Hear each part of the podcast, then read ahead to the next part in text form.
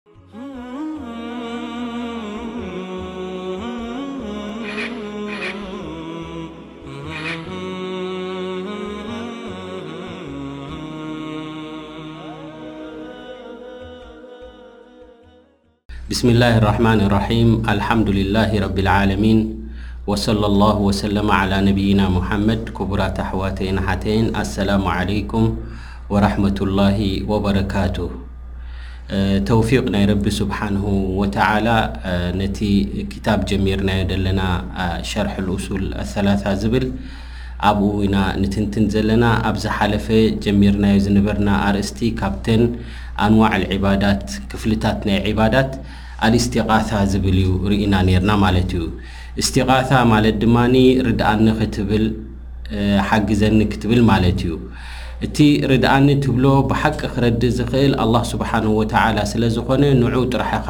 ርድኣኒ ክትብል ዘለካ ማለት እዩ። ወሊዛሊክ ኣነቢ ዓለይሂ ሰላቱ ወሰላም ማይ ኣብ ዝተሰኣነሉ ግዜ ከመይ ዓይነት እስቲጋሳ ከምዝገበሩ እቲ ዛንታ ርኢናዮ ማለት እዩ። ከምኡ እውን ኣነቢ ዓለይሂ ሰላቱ ወሰላም ኣብቲ ከቢድን ጽንኩርን ዝኾነ ኩነት ናይ ቐዝወት በድር ድማ ከመይ ዓይነት ተደሩዕ ከመይ ዓይነት እስቲቓሳ ይገብሩ ከም ዝነበሩ ነቢ ዓለይሂ ሰላቱ ወሰላም ኢዶም ሓፍ ኣቢሎም ኦ ጎይታይ እቲ ዝኣተኻለይ ቃል ፈጽመለይ እናበሉ ኢዶም ሓፍ ኣቢሎም እቲ ነጸላ ኣብ ሕቖኦም ዝነበረ ክሳብ ዝወድቕ ኮይኑ ማለት እዩ ኢዘን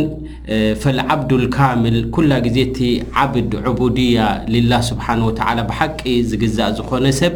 ሁወ ለዚ የተደረዑ ዕንደማ ተንዚሉ ቢሂ ኣልሙሊማት ማለት ሽግርን ፀገምን መዓትን ኣብ ዝወርዶ ሓደ ባርያ ናይ ረቢ እንታይ እዩ ዝገብር ኩላ ግዜ ብትኽክል ንረቢ ስብሓነሁ ወተዓላ ዘምልኽ እንተደኣ ኮይኑ ናብ ረቢ ስብሓነሁ ወተዓላ እዩ ዝውጃህ ማለት እዩ። ፈየተዘለል ሊረቢሂ ነብስኻ ኣሕሲርካ ርድኣኒ እትብሎ ናብ ረቢ ስብሓነሁ ወተዓላ እዩ ላ ሙስተጊሰን ቢገይሪሂ ብኻሊእ ሓግዘንን ርድኣንን ኣይብልን እቲ ብሓቂ ንረቢ ስብሓነሁ ወተዓላ እምነት ዘለዎ ማለት እዩ እዚ መንዚላ ናይ እስቲጋሳ ህያ መንዚለት ያኒ ሚን ኣዕለል ዒባዳት ካብቲ ዝዓበየ ናይ ዒባዳታት ክፍሊ እዩ ምኽንያቱ ወኣስሉን ሩክኑል ወኣስሉን ኣይደን ሩኩን ኣልዒባደት ተዘሉል ወይ ካብቲ መሰረት ናይ ተዘሉል ናይ ዒባዳ ዒባዳ ክበሃል ከሎ ያኒ ተዘሉል ተርእየሉ ኹዱዕ ተርእየሉ ትሕትና ተርእየሉ ንረቢ ስብሓን ወተዓላ እቲ ዝለዓለ ኣይና እዩ እንተ ኢልካ እዚ እስቲቓሳ እዚ እዩ ማለት እዩ በል ህያ እሙ ተዘሉል ብዝያዳ ተሕስረሉ ነፍስኻ ኣበይና እዩ ተተባሂሉ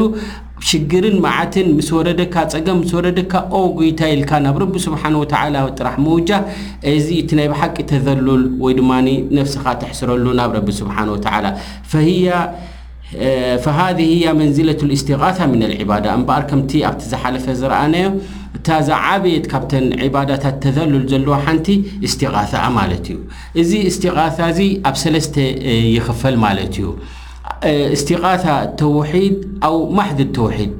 ብሓቂ ተውሒድ ዝኾነ እስቲቃሳ ኣሎ ማለት እዩ ንረቢ ስብሓን ወተዓላ ጥራሕ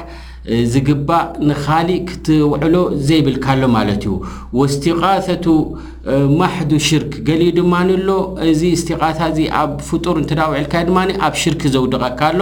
ወስቲቃሳ ድማ ኣለና ሙባሕ ዝኾነ ፍቑድ ዝኾነ ማለት እዩ ዘን ተውሒዳዊ ዝኾነ እስቲቃሳ ኣሎ፣ ኣብ ሽርኪ ዘውድቅ ኣሎ፣ ከምኡ ድማ ፍቁድ ዝኾነ ኣብ ሸሪዓና ድመጸ ኣሎ ብዛዕባ እስቲቃሳ ማለት እዩ። ፈልእስቲቃሰቱ ልኡላ ህያ እስቲቃሰቱ ተውሒድ እታ ተውሒድ ንብላ ደለና ብጀካ ንረቢ ስብሓነሁ ወተዓላ ንኻሊእ ዘይትግባእ ንብላ ዘለና ወህየ ለቲ የስሪፉሃ ልዓብዱ ሊላሂ ጀላ ፊ ዑላህ ናብ ረቢ ስብሓነሁ ወተዓላ ጥራሕ ዝተውዕላ ዝኾንካ ንኻሊእ ዘይትግባእ ዝኾነት ፈየተዘለል ሊረቢሂ ንረቢ ስብሓን ወተዓላ ትሕትና ትገብረሉ፣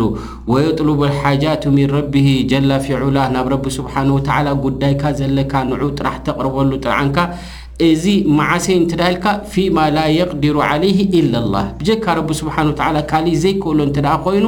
ንረቢ ስብሓን ወተዓላ ጥራሕኻ ካልስ ክትውጃህ ዘለካ ማለት እዩ እዚኣ እታ ዝዓበየት ቀይዲ ትገብረልካ ማለት እዩ ረቢ ስብሓን ወተዓላ ጥራሕ ዝፍፅሞ እንተ ኮይኑ ናብኡ ኢኻ ክትውጃህ ዘለካ ውላድ እንተ ደሊኻ ማይ ክሃርም እንተ ደሊኻ ማይ ድርቀት እንተ ኮይኑ ከምዚ ዝበለ ዓበይቲ ነገራት እዚ ብጀካ ረቢ ስብሓን ወተዓላ ካሊእ ዘይፍፅሞ ዝኾነ ናብ ካሊእ ከተውዕሎ የብልካን ኢላ ናብ ረቢ ስብሓን ወተዓላ ጥራሕ ኢኻ ተውዕሎ ማለት እዩ እዚኣ እታ ቀዳመይቲ ቀይዲ ማለት እዩ ረቢ ስብሓን ወተዓላ ጥራሕ ዝፍፅሞን ዝውድኦን ንዑ ኢኻ ክትልምን ዘለካ ማለት እዩ። ኣልቅስሙ ታኒ እቲ ካልኣይ ክፍሊ ድማ እስቲቓታ ሽርክ እያ። ኣብ ሽርክ ዘውድቐካ፣ ኣብ ኩፍሪ ዘውድቐካ፣ ኣብ ክሕደት ዘውድቐካ ማለት እዩ። እዚ ክንጥንቀቐሉ ዘለና ማለት እዩ። ወህየ ኣን የጥሉበ ልዓብዱ ምን ገይሪ ላሂ ረፍዕ ልሓረጅ ሽግር መፅዩካ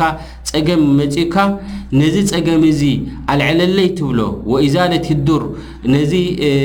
መዓት ወሪዱ ዘሎ ኣልዕለለይ ትብሎ ፊማ ላ የቅዲሩ ዓለይህ ኢለላህ ብጀካ ረቢ ስብሓን ወተዓላ ካሊእ ዘይፍጽሞ ዝኾነ ኣብ ካሊእ እንተ ኣውዒልካዮ ፈሃዚህ እስትቃተቱን ሽርክያ ኣብ ሽርኪ ወዲቕካ ኣለኻ ማለት እዩ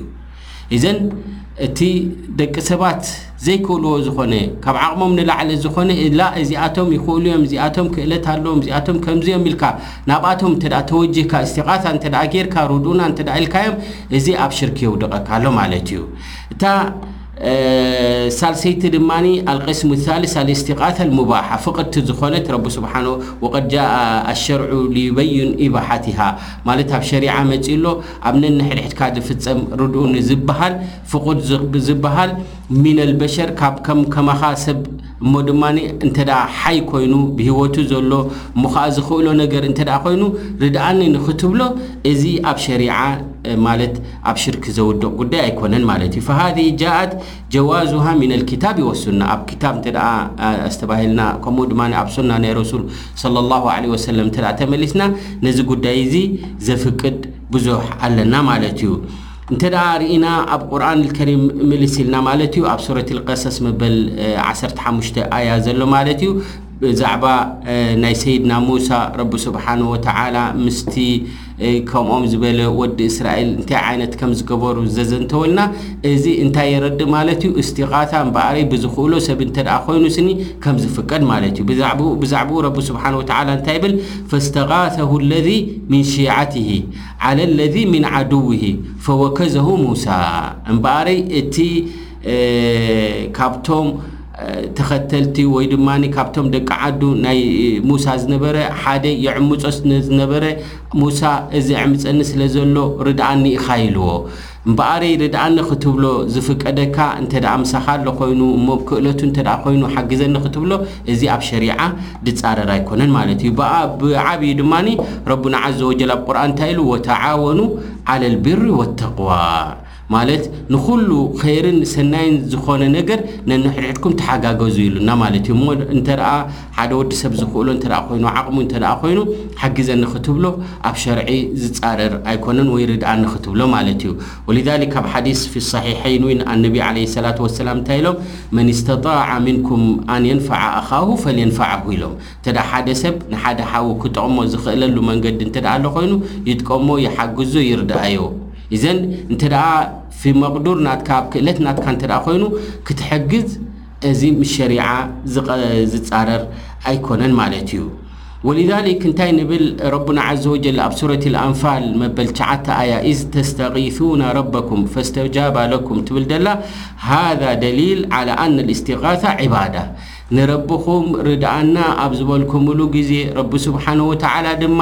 እዚ ዘይበሃል ሰራዊት ናይ መላኢካ ኣውሪዱ ሓጊዙኩም። ካብ በለ ረቢ ስብሓነሁ ወተዓላ፣ ፈስተጃበ ለኩም ነቲ ዝለመንኩሞ ሰሚዐኩም። እምበኣረይ ረቢ ስብሓነሁ ወተዓላ ዝፈትዋ ነገር ዒባ እዛ እስቲቓሳ ስለ ዝኾነት፣ እዚኣ ደሊል ዓብዪ መርትዖ ኣለና ዒባዳ ምዃኑ። እንተ ዒባዳ ምዃኑ ተረጋጊጹ ድማ ኣብ ሸርዒ ድማ ኣብ ካሊእ ንኸተውዕሎ ኣይፍቀድን እዩ ማለት እዩ። ኢዘን እዛ እርድኣና እትብል ካብ ዓቕሙ ንላዕሊ ዝኾነ ወዲ ሰብ ሓግዘኒ እንተ ኢልካዮ ንዝሞተ ሰብ ንዘየሎ እሞ ዘይክእሎ ዝኾነ ሓግዘኒ ክትብሎ ርድኣኒ ክትብሎ እዚ ኣብ ሽርኪ ከውደቐካ ስለ ዝኽእል ካብዚ ጉዳይ እዚ ክንጥንቀቕ ኣለና ብማዕና ከምቲ ኣብቲ ኣቐድም ኣቢልና ኣብተን ክፍልታት ናይ ዒባዳታት ክንዝክር እንከለና ዝበልናዮ ማለት እዩ ኩሉ ረቢ ስብሓን ወተዓላ ዝፈትዎን ዝረድዮን ዝኾነ ዒባዳ ዘብኡ እዚ ዒባዳ እዚ ብጀካ ንረቢ ስብሓን ወተዓላ ተዘይኮይኑ ኣብ ካሊእ ከተውዕሎ ኣብ ሽርኪ እዩ ዘውድቐካ ማለት እዩ ብፍላይ ድማ እታ ዒባዳ እቲኣ እዛ ፍትውቲኣ ንብላ ዘለና ብጀካ ረቢ ስብሓን ወተዓላ ካሊእ ዘይክእላ እንድሕር ኮይኑ ናብ መክሉቕ እንተ ደኣ ውዒልካያ ኣብ ሽርኪ ተውደቐካ ኣላ ማለት እዩ እዘን ክቡራት ኣሕዋት እዚኣ ካብቲ ናይ ብቐናይ በቐዳማይ ጀሚርናዮ ዝነበርና ወይ ኣብቲ ዝሓለፈ ኣስተምህሮና ዝዘከርናዮ ኣልእስቲቓሳ ትብል ብዛዕባኣ ክንዛረብ ጸኒሕና ማለት እዩ። ሎሚ ድማ ካብተን ተሪፈን ዘለዋ ኣንዋዕል ዒባዳት ገለ ልዕሊ ዓሰርተ ዝኸውን እዩ እቲ ሙኣልፍ ዘኪርዎ ዘሎ ኣብቲ ክታብ ማለት እዩ። እተን ዝተረፋና ክልተ ነገራት ኣለዋ ንሳተን ድማ ኣዘብሕ ወን ነዘር ድብል ማለት እዩ ብዛዕባ ምሕራድን ብዛዕባ መብጽዓ ምእታውን ብዛዕብኡ ኣብ ሸሪዓ ከመይ ከም ዝኾነ ድማ ክንርኢ ኢና ማለት እዩ ኣወለን ረቡና ዓዘ ወጀል ኣብ ሱረት ልኣንዓም ንረሱል ዓለይሂ ሰላቱ ወሰላም ከምዚ ክብሉ ኣዚዝዎም ረቡና ዓዘ ወጀል እንታይ ኢሉ ቁል ኢነ ሰላቲ ወኑሱኪ ወማሕያያ ወመማቲ ሊላሂ ረቢ ልዓለሚን ላ ሸሪካ ላህ በል ኢኻ ተባሂሎም ሰላትይ ድሰግዶ ድዩ ኑሱክ ዝሓርዶ ድዩ እታ ኑሱክ ትብል ሕጂ ዓብይ ትንታኔ ኣለዋ ክትመጸና ማለት እዩ ወማሕያያ ከምኡ ድማ ናትይ ሂወት ኣብዚ ዱንያ እዚ እቲ ሰናይ ግብርታት ድሰርሖ ከምኡ ድማ ኣብ መጨረሻ ዕድመይ እውን ዝሰርሖ ኩሉ ስራሓት ሊላሂ ረቢል ዓለሚን እዩ ንረቢ ስብሓነሁ ወተዓላ እዩ ኩሉ ላሸሪከላህ እቲ ሽርካ ዘይብሉ ዝብል እዚ እንታይ ይኾነና ማለት እዩ? መርትዖ ሓደ ካብቲ ኣዘበሕ እታ ኑሱክ ምሕራድ ክትሓርድ እንከለኻ ኢላ ንረቢ ስብሓነ ወተዓላ ተዘይኮይኑ ቁርባን ትቐርበሉ ቁርባን ኢልካ ትሓርደሉ ንኻሊእ ኣይፍቀድን እዩ ማለት እዩ። ደሊል ጠብዓን እንታይ ኢሉ መርትዖ ደሊል ኣዘበሕ ኢሉ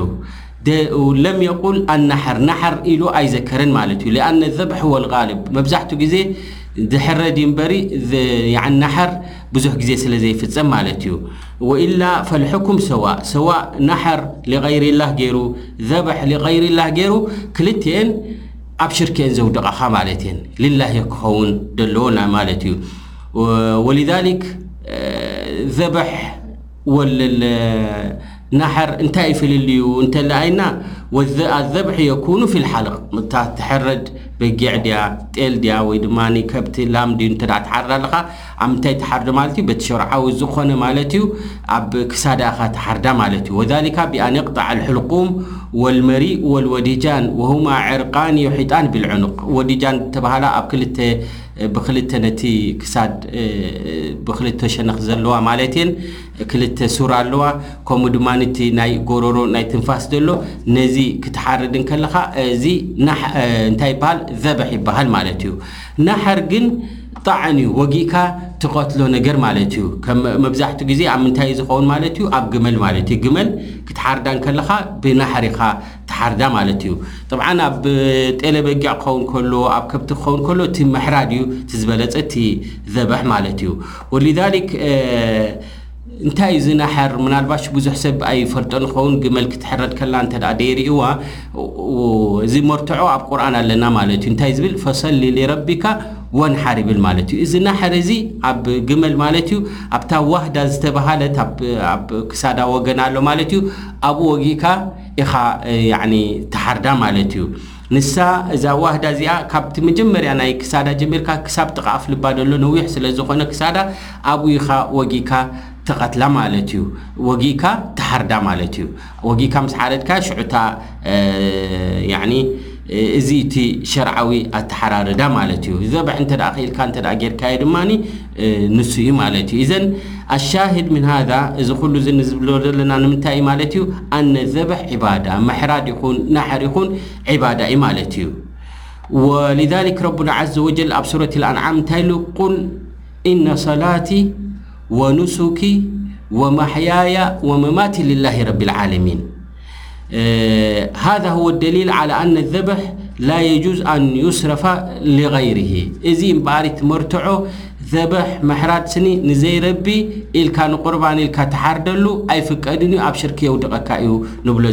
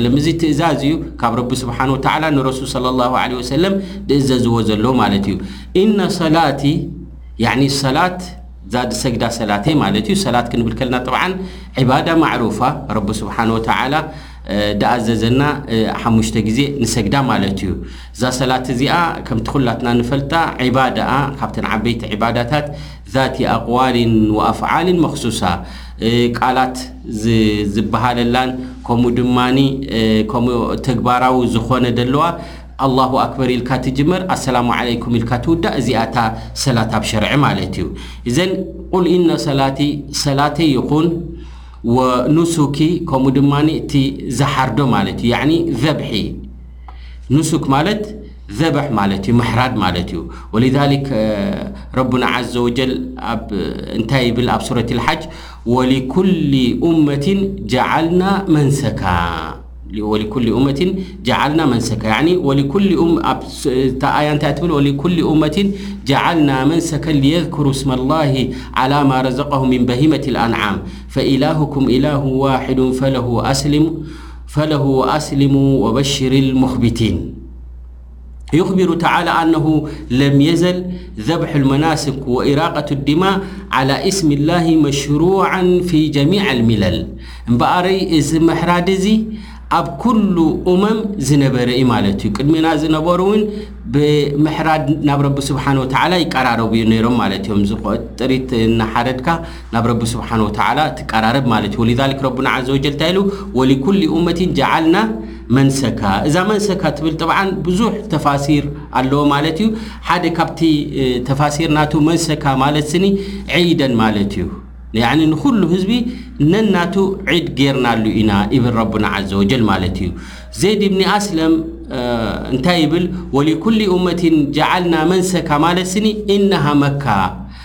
መንሰክ ማለት መካ ማለት እዩ ለም የጅዓል ለም የጅዓል ላሁ ሊኡመቲን ቀጥ መንሰከን ገይረሃ ረቢ ስብሓን ወተዓላ መንሰክ ስኒ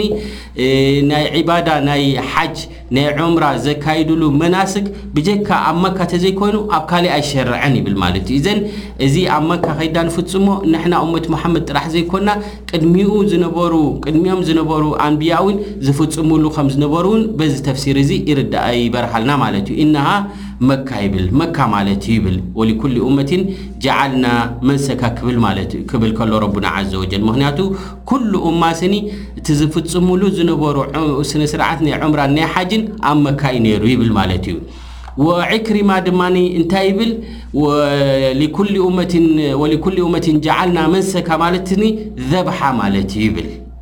እሳ እዚኣ መርትዖ ነዚ ሕጂ ሒዝናዮ ዘለና ኣርእስቲ ትኾነና ማለት እዩ። ወቀውሉሁ ልየዝኩሩ ስመላሂ ዓላ ማ ረዘቀሁም ሚን በሂመት ልኣንዓም ረቢ ስብሓን ወተዓላ እዘን እንስሳታት ዘን ጥሪት እዚኣተን ዓብይ ሽሻይ ዝኾነ ሂቡና ዘሎ እዚ ክትሓርድ እንከለኻ ብሽም ረቢ ማለት ልየዝኩሩ ስመላሂ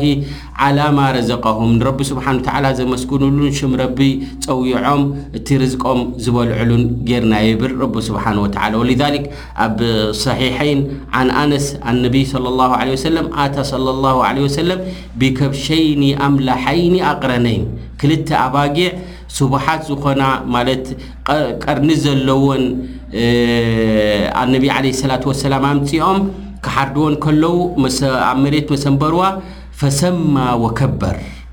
ኣነቢ صለ ላሁ ለ ወሰለም ሰማ ላህ ወኣይደን ከበር ልክዕ ምስታ ኣያ ልየذኩሩ ስመ ላሂ ዓላ ማ ረዘቀሁም ምን በሂመት ልኣንዓም ትብል ደላ ንዓ ልክዕ ኣብ ትግባሬ ኣነቢ ዓለ ሰላት ወሰላም ነዛ ነዘን ኣባጊዕ እዚኣተን ክሓርዶን ከለዉ ብስሚላህ ኢሎም ኣላሁ ኣክበር ኢሎም ወወደዓ ርጅለሁ ዓላ ሰፈሓሁማ ኣብ ክሳዳ እግሮም ኣቐሚጦም የማናይ እግሮም ሓሪዶማ ነቢ ዓለ ሰላት ወሰላም ማለት እዩ ኢዘን እዚ እንታይ የረድኣና ማለት እዩ እዚ ዘበሐ እዚ ዓብዪ ዒባዳ እዩ ማለት እዩ ናብ ረቢ ስብሓን ወተዓላ ንቀራረበሉ እዩ ብጀካ ናብ ረቢ ተዘይኮን ድማ ናብ ካሊእ ከቕርበኒ ኢልካ ወይ ክረድየለይ ኢልካ እዚ ንዕኡ ክቀራረበሉ ኢልካ ንዑ ብሽሙ ኩን ወይ ድማ ንዑ ንያ ጌርካ ክትሓርተሉ ከለኻ እዚ ኣብ ሽርክ የውድቐካ ማለት እዩ ምክንያቱ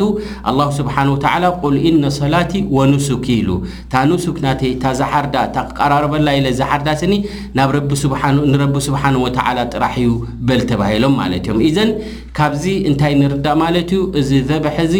ዓብዪ ዒባዳ እዩ ማለት እዩ ክንቀራረበሉ እንተ ኮይና ብጀካ ናብ ረቢ ስብሓን ወተዓላ ተዘይኮኑ ናብ ካሊእ መክሉቅ ከነውዕሎ የብልናን ማለት እዩ ብዛዕባ እዚ ናይ ዘበሕ ዝብል እንሻ ኣላህ ትንታኔናት እውን ብዝያዳ